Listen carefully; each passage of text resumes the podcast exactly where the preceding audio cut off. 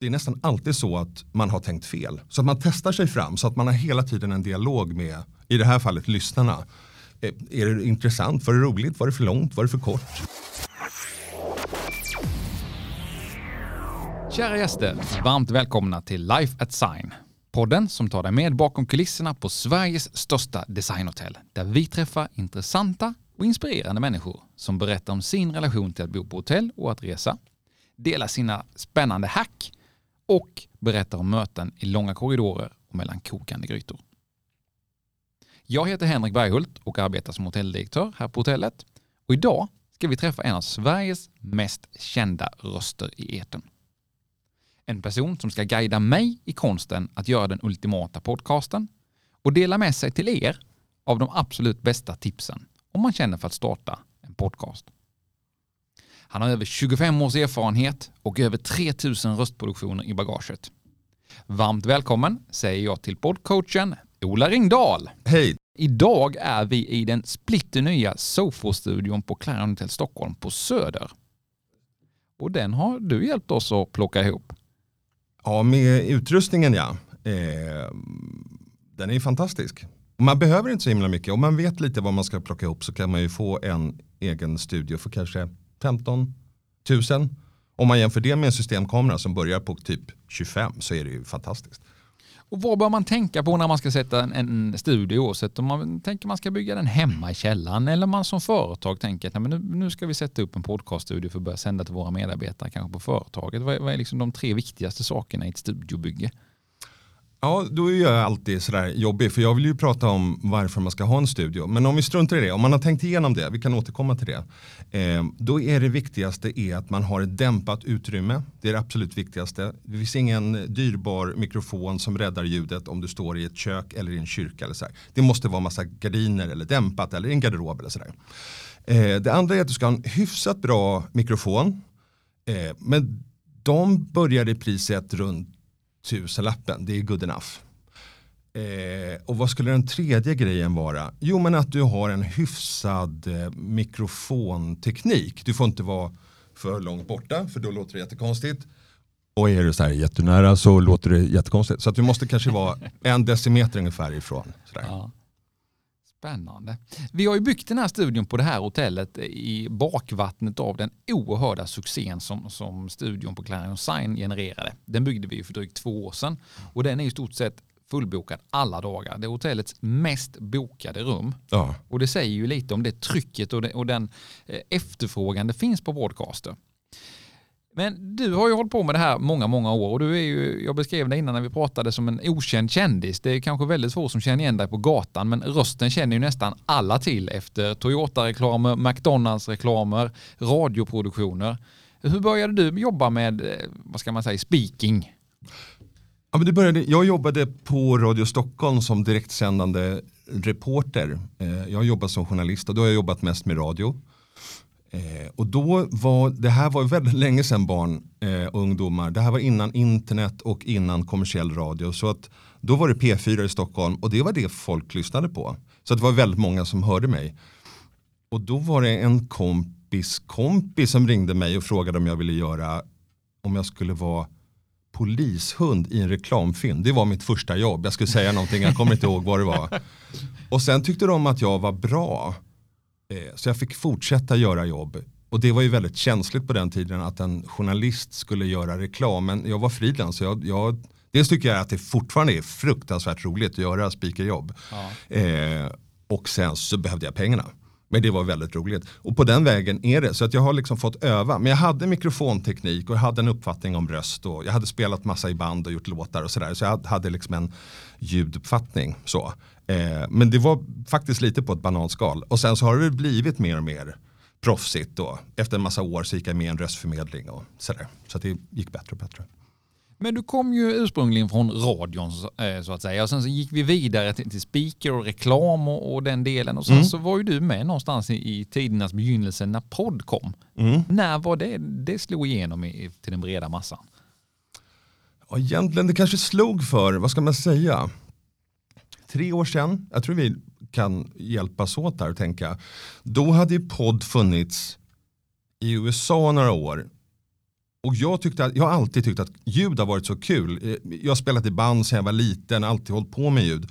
Eh, och jag, parallellt med att jag har jobbat med ljud och varit röst och så, så har jag alltid jobbat med kommunikation. Så att när jag jobbade på en informations och PR-byrå som hette JG, eller Journalistgruppen, då gjorde vi som en slags motsvarighet till eh, programmet Sommar i P1 med vår vd Anders Lugn som vi sen gjorde på CD och delade ut till alla postfacken och så. Och, men då fanns det ingen teknik så att man kunde lyssna i, i telefonen. Sen när det började komma då började det dyka upp poddar framförallt från USA och distribuerad via nätet. Men då var det ju två gubbar som pratar oerhört omständigt kring någonting som jag inte brydde mig om. Så att jag kommer ihåg hur jag tänkte, hur besviken jag blev på, det här är ju så tråkigt. Um, men jag skulle säga att det slog ordentligt för tre, fyra år sedan. Och sen så har det bara ökat något enormt. Liksom. Men vilken podd var det som banade vägen i Sverige? Vilken var den som var mest banbrytande som gjorde att den förlösande faktorn som man säger på den svenska marknaden? Oj, nu vill du att jag ska vara omvärldsanalytiker också. Ehm, jag har säkert fel, men jag tänker att Alex och Sigge, Filip och Fredrik, alltså någon av dem. För mig var det eh, värvet, Kristoffer Triumf, som fick upp ögonen för poddandet i Sverige. Kristoffer eh, Triumf gör djupintervjuer med folk, kända människor. Och han gör det på sånt bra och intresserat sätt. Och just det där att folk fick prata till punkt, det fick vara lite pauser, det blev någonting nytt. Man var så van vid någon slags eh, tre minuters format och plötsligt fick folk andas. Jag tyckte det var helt fantastiskt. Och det tror jag är en av liksom recept, eller så säga, en av de bra ingredienserna i receptet för att podd funkar så himla bra. Att det får ta lite tid. Man får liksom tänka efter tänker jag. Mm. Vad tror du? Du ringer mina barn, det går inte. jag tror precis som du säger att det får ta lite tid. En ganska god beskrivning av det hela. Att det inte är så fruktansvärt forcerat som det har varit. Och det som du säger, tre minuters format har ju varit det vanliga. Du ska ta in så mycket information som möjligt på så kort tid som möjligt. Du ska hinna med så mycket på så kort tid som möjligt. Helt plötsligt finns det information du kan ta till dig lite när du vill, var du vill. Mm. På promenaden, på löpturen, på bussen på väg till jobbet, på jobbet, hemma i soffan, när du ska lägga dig till frukost. Du kan göra det när som helst, var som helst. Bilen ja. inte minst. Men vi, syftet idag är ju att vi ska försöka mejsla ut de faktorer som, som driver de mest framgångsrika poddarna med lite handfasta tips. Och varför vi ska göra det idag är ju för att vi vill eh, egentligen bjuda de eh, communitymedlemmar vi har, framförallt på Client Science Club, men också de som kommer börja jobba med, med eh, Sofo-studion här på Client Stockholm, på lite godbitar. Och innan vi hoppar in i, den delen som är liksom huvudsyftet med dagen så är jag ändå lite ute efter de här framgångsrika poddarna mm. som vi talade om precis. Mm. Vad är det de gjorde på sin tid som var så banbrytande förutom att man lät det ta tid? Man var och är eh, personlig på ett sätt som programledare i Sveriges Radio och framförallt skulle jag säga kommersiell radio inte är. I, på, I Sveriges Radio så ska man ju vara journalist och då ska man försöka vara så kallad objektiv. Och eh, då har man inte så mycket åsikter. Utan man ska liksom få fram den eh, personen som man pratar med. Och, och poddarna hade mer ett samtal. Det var liksom två personer där båda var lika viktiga. Det, liksom, det var lika intressant. Och sen så finns det ett engagemang där man också får vara personlig. Där man så här, jag stoppar dig och frågar vad använder ni för tvålar på hotellrummet? Jag vågar liksom gå in och bli nördig. Liksom. Jag vågar personligen bli intresserad av någonting. Sådär. Jag vågar vara människa helt enkelt. Och sen tror jag också att i och med att det är kändisar så blir det den här effekten som har funnits sedan lång tid tillbaka med Svensk Damtidning och sådär. Att man, människor verkar ha ett behov av att eh, få veta mer om kända människor. Och här blev det ett sätt att få vara en fluga på väggen med kända människor. Man hörde Eh, folk pratar om både framgång och eh, misslyckanden och ångest. Som till exempel Hanna och Amanda. De pratar så fruktansvärt mycket om hur mycket ångest de har, att de går i terapi och de är ledsna, de har gråtit. Och första gången jag hörde de eh, första avsnitten, jag, jag hoppar ju till, jag var inte van vid det. Men det tror jag är jätteviktigt, framförallt mina döttrar har lyssnat jättemycket på dem eh, att det är någon som vågar prata om det som är svårt också. Det tror jag också är, verkligen är ett recept. Jag tror det är superviktigt. Att man, och det tror jag för företag också, att man vågar prata om svårigheter och utmaningar. Sen tror jag också att man måste prata om hur man har löst det. Men det där happy goes lucky, det funkar inte längre. Vi är så reklamtrötta. Så att vi måste få träffa en människa, vi måste få träffa en hotelldirektör som inte bara är glad utan som också tycker att livet kan vara jobbigt. Men jag löser det så här. Eh, det är ett sätt, jag tror man kan inte ljuga i en podd. Liksom. Man hör på rösten om någon är sådär lite tillbakahållen och håller inne med sanning eller om det är full-blown, liksom. det är så här jag är. Det tror jag är jättetydligt. Jag kan ju uppleva, i min värld när jag själv söker poddar, mm. eh, så kan jag hitta tre kategorier. Det finns säkert mm. fler, men den ena är ju den som berättar en historia. Som Exakt. referens till Peter Dokumentär, som berättar någonting liksom i kronologisk ordning någorlunda. Exakt. En story om någonting. Det andra är ju det vi gör nu. Vi sitter och har ett samtal eller en intervju och pratar om saker och ting. Eh, och det tredje är ju det här samtalet som vi precis var inne på med Hanna och Amanda eller Sigvard. Mm. Det är ju två samma människor som vecka ut och vecka in sitter och bladdrar om allt möjligt. Ja den är lite svår, är det inte det? Att fylla den med content som är kvalitativt.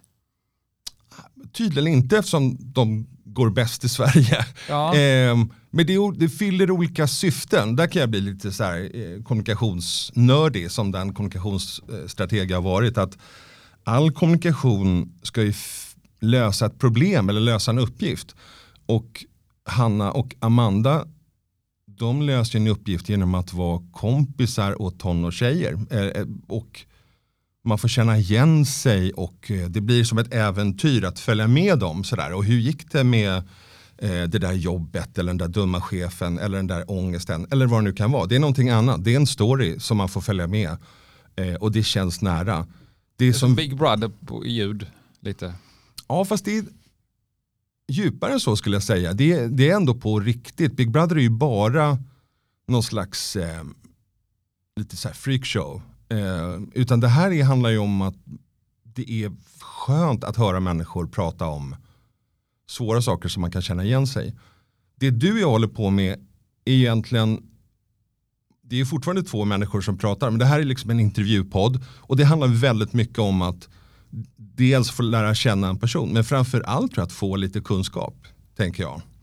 Um, och det tredje som du pratar om med, med, som en dokumentär. Där är det just det där att man får, får följa. Det är nästan som att se en, en film. Sådär.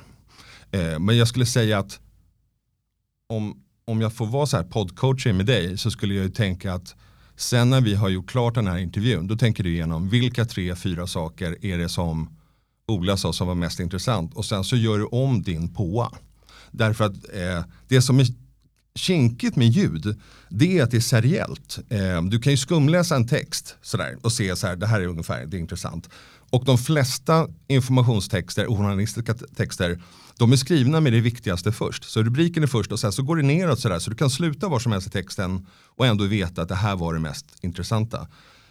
Men en podd som är ostrukturerad Eh, det kan vara okej okay om det är Hanna och Amanda, men en företagspodd får egentligen inte vara det. Eh, utan jag ska i princip som kund eller lyssnare få veta ungefär vad jag får reda på. Så där är, det är en jäkla balansgång. Sen tycker jag det är en skön mix med att du är personlig och jag sitter och spelar luftrum eller har pipig röst och mina barn ringer och sådär. Eh, och det ska ändå finnas någon slags bra innehåll. Men jag, tyck, jag tror att om vi bara pratade om vädret du och jag, då skulle det inte vara så intressant. Men då kommer vi till den sista delen och där kommer vi in på din erfarenhet och kunskap som kommunikationsstrateg som mm. du också jobbat mycket som och det är just det här företagspoddar som vi touchade precis. Just. Vad tror du om framtiden företagspoddar, syfte, vad ska man fylla dem med, vad bör man tänka på? Jag tror framtiden är ljus men väldigt otydlig. Ehm, jag har lyssnat och letat efter företagspoddar men har lite svårt det är inte jättemånga som gjort det och de som jag har hittat kanske gjordes för två, tre år sedan. När man fort, det var fortfarande mycket att man eh, kände sig fram och det gör man fortfarande. Men om man tänker på eh, att det är ett företag eller ett varumärke som gör en podd så ska man för det första fundera på, ska vi verkligen göra en? Eh, då måste det addera till någonting av resten av kommunikationen tänker jag. Då handlar det framförallt om personlighet, mänsklighet, låta folk eh, bli hörda. Det är en sån sak om vi pratar om traditionell podd. Men egentligen så, jag har börjat prata om någonting lite så här eh, ansträngt men jag kommer inte på något bättre ord och det är audio content. Att, alltså man kan göra en tre minuters podd om dagen som ett företag. Att på morgonen släpper man något klockan åtta. Så här, det här händer idag, det här är det viktigaste. Man kan skicka, eh, man kan göra internpoddar. Jag tänker liksom det finns så många möjligheter. Tekniken är egentligen det minst svåra. Det som är svårt är ju att vara intressant, eh, att vara varierad, eh, att, att vara lite underhållande, det måste vara lite roligt. Och om du inte är det, då stänger ju folk av, då lyssnar de ju inte. Och det vet jag som gammal intranätsmänniska sådär att det är stor skillnad på vad vi på redaktionen eller vad ledningen tycker borde vara intressant för medarbetarna och det de faktiskt klickar på. Så det handlar jättemycket också om att ha en kontakt med målgruppen och i det här fallet medarbetarna tänker jag. Eller kunderna, men då måste man ha liksom en eh, Eh, det finns något som heter UX-designer, eh, user experience, att man håller på och testar framförallt inom webbvärlden eller när man gör appar och sådär. Att man istället för att sitta hemma och hitta på allt eh, och sen så launchar man något med stor dramatik och det är pukor och trumpeter. Så testar man en sida och testar mot kunder. Förstår ni liksom vad det här är till för? Och det är nästan alltid så att man har tänkt fel. Så att man testar sig fram så att man har hela tiden en dialog med, i det här fallet, lyssnarna. Eh, är det intressant? Var det roligt? Var det för långt? Var det för kort? Eh, är jag för forcerad? Vill ni skriva in egna frågor? Alltså att hela tiden försöka känna av, är jag på rätt väg? För någonstans när vi har diskussioner inom, inom Clarion Hotel, när vi jobbar med podd eller generellt när vi arbetar med rekrytering och ska attrahera eh, morgondagens anställda så märker vi ju ett helt annat sug efter att vara mer transparent, att öppna upp företaget, att låta folk titta in och klämma och känna hur är det egentligen bakom kulisserna? Vad, vad står det där bolaget för? Är det, en, är det en ägare jag kan tänka mig att jobba för? Har de en företagskultur som jag tycker är lite skön? Mm. De här sakerna vill man ju gärna visa upp. Innan var det kanske en, en fasad man dolde. Antingen söker du jobb och sen så får du jobb eller inte. Men fabriken och vdn är vd och sen är du färdig med det. Men, men nu väljer ju nya generationer arbetsgivare beroende på den bilden arbetsgivaren ger så att säga. Och det är klart att vi ser ju att den behöver vara väldigt, väldigt ärlig och väldigt, Exakt. väldigt transparent Exakt. på ett helt annat sätt än vad den kanske var för 20 år sedan. Ja, men verkligen. Och du säger just bild eh, och då tänker jag att ja, det kan man säga. Man kan också berätta om, jag tror att de vill veta hur det är på riktigt. Och folk är, det är min erfarenhet som kommunikatör, att folk är mycket smartare än vad man kan föreställa sig. Alla kan väl förstå att det är, det är inte helt lätt att driva ett företag så att man förstår att allt inte är guld och gröna skogar om man kommer som ung och, och nyanställd. Men man vill ha någon slags ärlighet, man vill att cheferna ska vara schyssta. Man behöver inte få mest lön, jo det vill man ju, men, men man kan acceptera att man inte får mest lön i hela världen. Eh, men man vill nog förstå sig på. Och så har det varit för mig sådär att man, just apropå bilder, att jag har sökt ett jobb och sen hoppas jag att bilden jag har fått stämmer när jag väl har börjat jobba på det där stället.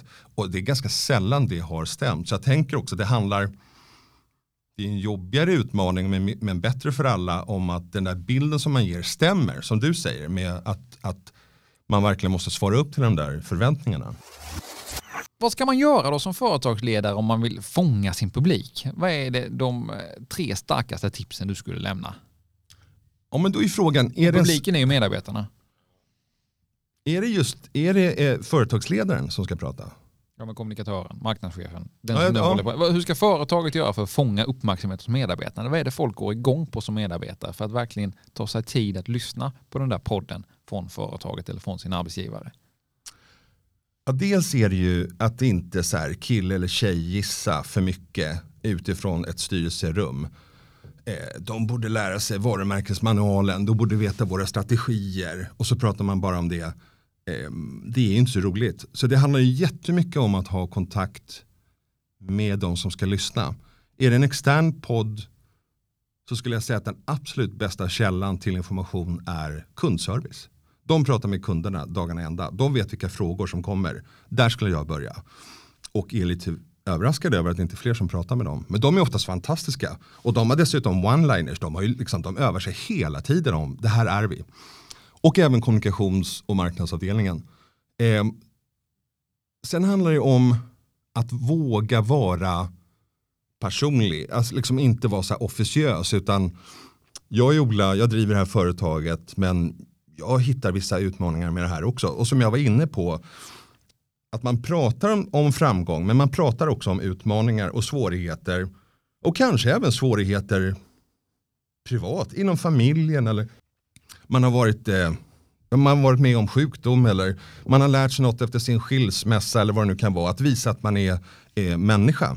Eh, sen också en, en sån här kardinalsynd det är ju att vara tråkig. Du måste liksom ha känsla för när nu måste det hända någonting. Det är som på en middag, liksom, när alla bara börjar bli så här supersägiga. Då måste man ju spela lufttrumpet eller eh, hålla något konstigt tal eller göra någonting sådär. Så det handlar väldigt mycket om variation och det handlar om överraska och det handlar om underhållning skulle jag säga. Men grunden är att det är relevant. Och, och sen grejen är ju också så här att man måste göra någon form av analys och läxa innan man sätter igång. Så här, den här podden ska vara det här men vi ska inte vara så här. Och sen kan det se ut precis som helst. Det kan ju låta nästan improviserat men det, det ska finnas en plan tänker jag. Sådär. Det ska finnas en strategisk plan. Eh, för det är ändå en kostnad att göra en podd. Och man kan ju testa eh, för att se vad som händer. Men det smartaste är ju att tänka efter före. Lite Toyota sådär. Och sen så förändrar man all, allt eftersom sådär om det stämmer. Men vad jag ska säga också är att just det här att det är lite barnsjukdomar just nu och att folk verkar tycka att det ska vara gratis och sen så förstår de att det kostar lika mycket som en videoproduktion förutom jättedyra kameror. Men allt förarbete och efterarbete det är i princip samma sak. Men då tänker jag att om man ser det som en investering för att hitta en anledning till att ta kontakt med nuvarande kunder, gamla kunder och presumtiva kunder. Att skriva i nyhetsbrevet, nu har vi ett nytt poddavsnitt, där har en jättebra ingång till exempel. Ehm, jag tänker också att för medarbetarna så kan det skapa stolthet, precis som bra intern kommunikation ska göra för övrigt. Ehm, och det blir också en signal om att man hänger med. Det är, liksom, det är så pass nytt fortfarande. Så det är spännande med podd. Eh, och det är spännande med nya format. Så att, så att eh, som företag att testa att göra podd, jag tror det. Nu är det djävulens advokat för jag, jag, liksom, jag tar ju betalt för att göra det. Men jag tror verkligen på det. Jag tror att det finns en möjlighet. Vad tror du?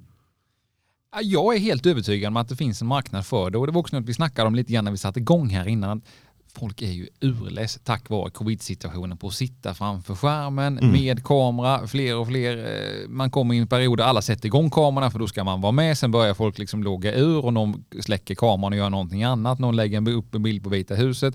Någonstans så är man ju less på att titta in i den där skärmen. Ja. Medan podden kan man ju lyssna på, som vi pratade om innan, i bilen, i bussen, var som helst. Ja. På ett otvunget sätt. Och egentligen samtidigt som du gör någonting annat så får du till dig informationen. Det som var väldigt intressant med, med när jag började lyssna på, på eh, Framgångspodden i det här fallet var att eh, jag pendlade till Oslo de åren. Så det innebär att jag steg upp 20 över 4 varje måndag morgon, tog första flighten till Oslo, så var jag där måndag, tisdag, onsdag och hem igen på torsdagen. Och då började jag lyssna på flyget dit och flyget hem, för då hann jag, en, då hann jag ett avsnitt dit på måndagen och hem igen på onsdagen. Och då bestämde jag mig under en period att, vet du vad, jag ska lyssna på alla avsnitt i kronologisk ordning oavsett om det intresserar mig eller inte. Och det var, det var faktiskt en fantastisk upplevelse för att jag fick höra på människor jag aldrig hade lyssnat på annars. Jag, det var en läkare med Daniel Eber, David Daniel Eberholtz någonting, en psykolog. Någonting sånt ja. Eh, och jag hade ju aldrig klickat in och lyssnat på honom. Han har nio barn och han är överläkare i psykiatri någonstans och det hade inte intresserat mig överhuvudtaget att höra om om jag skulle liksom läsa en artikel eller lyssna på en podd bara med honom. Men, men nu tog jag på den i kronologisk ordning och nu, ja, nu var det han den här veckan. Fick fantastiskt mycket ny kunskap och nya insikter om saker och ting som jag aldrig hade fått annars. Just för att jag tvingade mig själv att det får vara hur roligt och tråkigt det vill. Ena dagen är det en psykolog, nästa dag är det, är det Patrik Sjöberg, tredje dagen så är det Fredrik Reinfeldt. Det, var liksom en, det är en bredd som jag fick till mig som jag inte hade fått till mig annars. Det är ju så här gammal gammal public service-devis. Man ska ge folk vad de vill ha men också vad de inte visste att de vill ha. Jag gillar den, att det är en blandning av att man ska veta ungefär vad man får men man blir överraskad. Både av gäster och frågor och innehåll. Här står jag med ett vitt papper och, och har fått för mig nu att jag antingen för att jag brinner för landhockey eller att jag vill göra en podd för, för mitt lilla företag eller stora också för den delen. Mm. Eh, men, inte att vi tänker oss att vi har liksom o, obegränsade resurser liksom hos studios och producenter utan i någorlunda rimligt format så vill jag göra en podd om någonting jag brinner för. Ja. I vilken ände börjar vi? Då är det ju bra om du får frågan, ja varför vill du göra den här? Och där någonstans tror jag att det börjar. Eh, man tycker att det fattas en sån här podd eller jag tror att jag har någonting extra intressant att säga. Eller jag bryr mig inte om om det finns några andra poddar eller om folk tycker att jag är intressant. Jag gör det här ändå. Som bloggar från början egentligen var, det var ju dagboksanteckningar. Så kan man också göra en podd. De som jag gör och producerar handlar ju om att man vill kommunicera med någon eh, och inte lite intresserad av vad de tycker och så är jag beredd att ändra lite sådär, om du inte tycker det är så himla bra. Eh, men sen, det finns ju poddar där man verkligen inte bryr sig. Eh, och, och då, men om vi utgår ifrån att man ändå bryr sig lite grann, vilket jag kan tycka att man ska göra som företag, då är det ju bra att ha koll på varför gör jag det här? Eh, vilka är målgruppen? Är det de som vårt företag generellt har eller kan det vara italienska hjärnkirurger eller vad ska det vara, liksom, några helt andra. Så att man gör den här läxan i förberedelser, eh, att man kan svara på frågorna hur, vad, när, varför. Det finns fem. Hur, var, när, vad, varför. Så blir det väl. Eh, att man har lite, lite koll på det tänker jag. Eh, och så har man lite koll på andra poddar. Eh, vilka finns det inom det här området? Man kan ju göra någonting som efterliknar en annan podd men det blir ju lite tråkigt för mig som lyssnare. Det kan ju vara ett ganska stort varför ska jag lyssna på den här. Så man gör någonting som är unikt.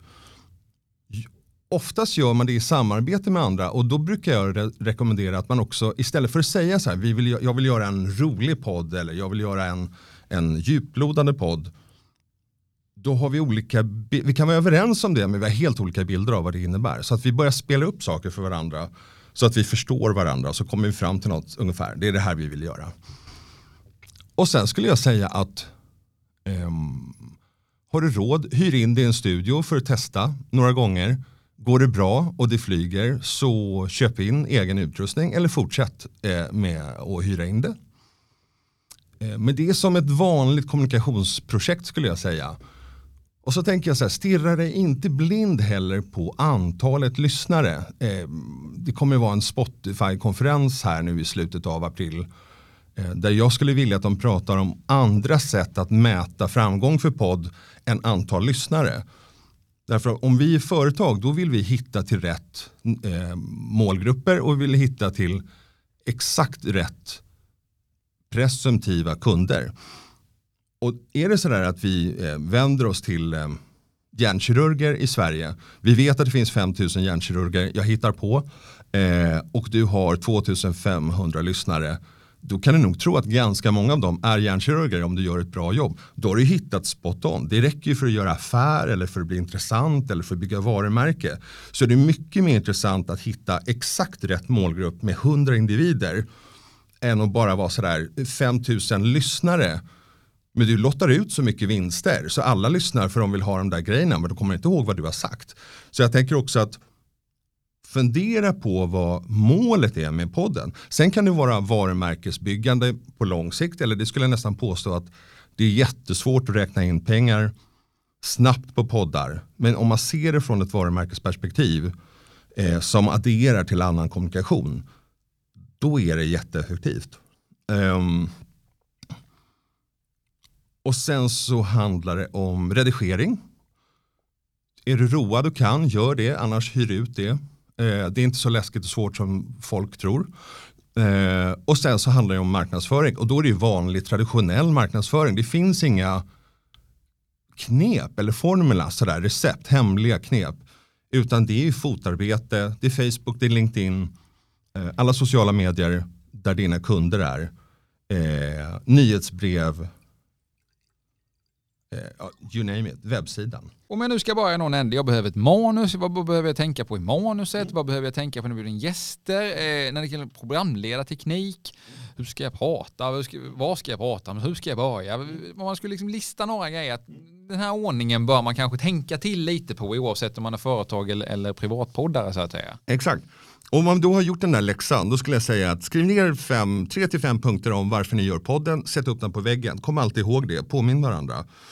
Sen så, um, så ska ni tänka ut format som det lite tjusigt heter. Ska det vara en programledare eller två eller hur ska det nu vara? Ska ni ha gäster eller så? Och det vanligaste är väl att man har en programledare och en gäst. Kunder till mig har valt ibland att jag är någon slags proffsmoderator, liksom proffsprogramledare och de är där som specialister. De äger så att säga podden, men då är vi två stycken programledare. Jag kan inte ämnet så mycket, men jag är så rutinerad på att ställa frågor och avbryta när folk är lite tråkiga och sådär. Eh, och, eh, och, då, och så är det en ny gäst varje gång. Och då skulle jag säga att börja med att bjuda in de gästerna som ni tycker är relevanta för podden. Men gärna folk som ni känner, för då är ni lite mindre nervösa. Eh, liksom öva på dem ni känner först. Eh, men något som jag tycker är superviktigt det är att man har en förintervju för researchens skull. För där gör du så mycket saker. Du, du skapar en relation som att den här personen känner sig trygg med dig. Eh, du får en känsla för att det här tycker jag är intressant när han eller hon pratar om det. Men här kanske det är lite mera självklarheter. Eh, så att när du har gjort en intervju, då vet du att de här grejerna blev jättebra, de här kanske blev lite mindre bra. Och så säger du det, du gör upp spelregler att okej, okay, sen ska vi spela in på torsdag. Jag, jag, tycker det här var jättekul och så radar du upp dem. De här var jätteintressanta, men kanske kommer i andra hand. Är vi med om det, då har ni gjort ett avtal. Ehm, då har ni båda ett mindset när det kommer till inspelningen. Ehm, och du kan också lugna dem med eh, det här kommer hända, eh, i vilket sammanhang, vilka andra som har varit med. Så de kan känna sig helt fria i att det är okej okay att vara med i den här podden. Sen när man träffas på torsdag, då, eh, då bara påminner den här personen om det var det här vi sa, eller hur? För då kan du hela tiden eh, hänvisa till spelreglerna. Men du har in, hur ska jag säga, du som programledare har ansvaret för att det är tillräckligt intressant. Um, den som pratar i bästa fall har ju liksom allting i kroppen. Men ganska ofta om vi är engagerade i någonting, det märker jag just nu till exempel, jag pratar ju på som en jävla eh, väderkvarn därför att jag tycker det är roligt. Eh, nu hoppas jag att det inte blir tråkigt för att jag har rutin, men om jag är professor eller någonting och brinner för mitt ämne, jag kan ju prata i två timmar utan stopp. Liksom, sådär. Så att man har ansvar, man är liksom spelledare. Sådär. Nu tar vi nästa fråga. Sådär. Men då har man redan gjort upp spelregler. Um, är det något mer du undrar kring? Ja, om man nu är, är, är spelledare, live, vi sänder, mm. vi gör podden. Mm. Om man skulle liksom skicka med några programledartips, förutom att liksom försöka bryta när man, när man själv inser att det här, är, det här är som att titta på färg som torkar, det här är dödtråkigt. Mm. Om man, förutom det, några andra tips i programledarrollen så att säga? Just det. Eller rättare sagt, man ser vad är det största misstagen en programledare gör som man kanske kan lära sig av? Om då har jag lärt mig att hjärnan kan inte förstår inte inte. Så jag tror vi pratar om det som man ska göra. Eh, för annars kommer alla göra de där misstagen. Eh, dels handlar det om att skapa en relation. Alltså intervjun börjar ju på telefon några dagar innan egentligen. Eh, du ska ha, och där har du förberett x antal frågor som den här personen har fått. Sen kanske du har några frågor som du inte har tagit upp därför att det ska finnas lite in, in, liksom, intressant spänning i rummet också. Eh, om du vet att det finns någonting kontroversiellt med den här personen, han eller hon kanske har begått ett brott eller vad det nu kan vara. Fråga sig, är det okej okay att vi pratar om det eller inte? Istället för att ta upp det eh, liksom som någon slags skjutjärnsjournalist under intervjun. För det är inte, man är inte journalist, liksom. man ska ju, båda ska få ut någonting av det. Eh, jag tror, ställ koncisa frågor och försök ha formulerat dem innan så att det inte blir att du börjar tänka och prata samtidigt och så blir det en jättelång fråga som man inte riktigt förstår. Det är ett vanligt nybörjarfel. Utan att man har, varför är det roligt att vara hotelldirektör? Och våga vara tyst liksom efter det. Um, så koncis Och sen så är det så här, det är två processer som pågår samtidigt. Det ena är att du har en plan för podden. Det andra är att du lyssnar på vad den här människan säger. Och då gör du bedömningar hela tiden att jäklar vad det här blev intressant, nu följer jag med. Eller så är det, nej det här var lite tråkigt, jag håller mig till planen. Så att man har följdfrågor och att man vågar liksom avgå från, liksom gå ifrån planen. Men du vet vad planen är så att när det börjar bli lite tråkigt då hoppar du tillbaka till liksom huvudplanen. Och sen ska du ha alla sägningar som du hade nu att man har samma hej och välkomna, det här är en podd om lalala. Man har liksom förberett sig för alla liksom grund brick, vad säger man, alla grund, jag tänker på tegelstenar. Grundstenarna. Grundstenar, tack. Eh, I början, i mitten, eh, i avslutningen. Du kan hitta oss på sociala medier, alla de där sakerna. Eh, och efter att ni har stängt av så fortsätter liksom intervjun också i och med att du fortfarande måste visa den här människan intresse. Jag har sett mardröms exempel på programledare som är så superintresserade under själva intervjun och sen när man stänger av så är det bara tack och hej det var jättekul och så går de iväg. Och då känner man sig som en efter en one night stand, man känner sig bara utnyttjad utan det ska ju finnas ett genuint intresse för den här människan tills den personen går iväg. Liksom. Var inte så busy important att du inte kan ta dig den tiden tänker jag. Sådär. Det är väl, ja det är några tips. Spännande, jätteintressant att höra alla dina tips kring det här. Eh, vi jobbar också tillsammans, eller har börjat jobba tillsammans. Ja, Clarion och poddcoachen. Mm. Eh, och hur ser det samarbetet ut? Det är i, sin, i sitt embryo. Eh, ja, men vi gillar ju varandra. Eh, vi har väl lite samma slags energi. Jag har eh, stött och blött med er och er marknadsföringschef Cecilia. Dels om den här nya poddstudion och eh, lite hur man ska kunna utveckla er community kring, kring poddande.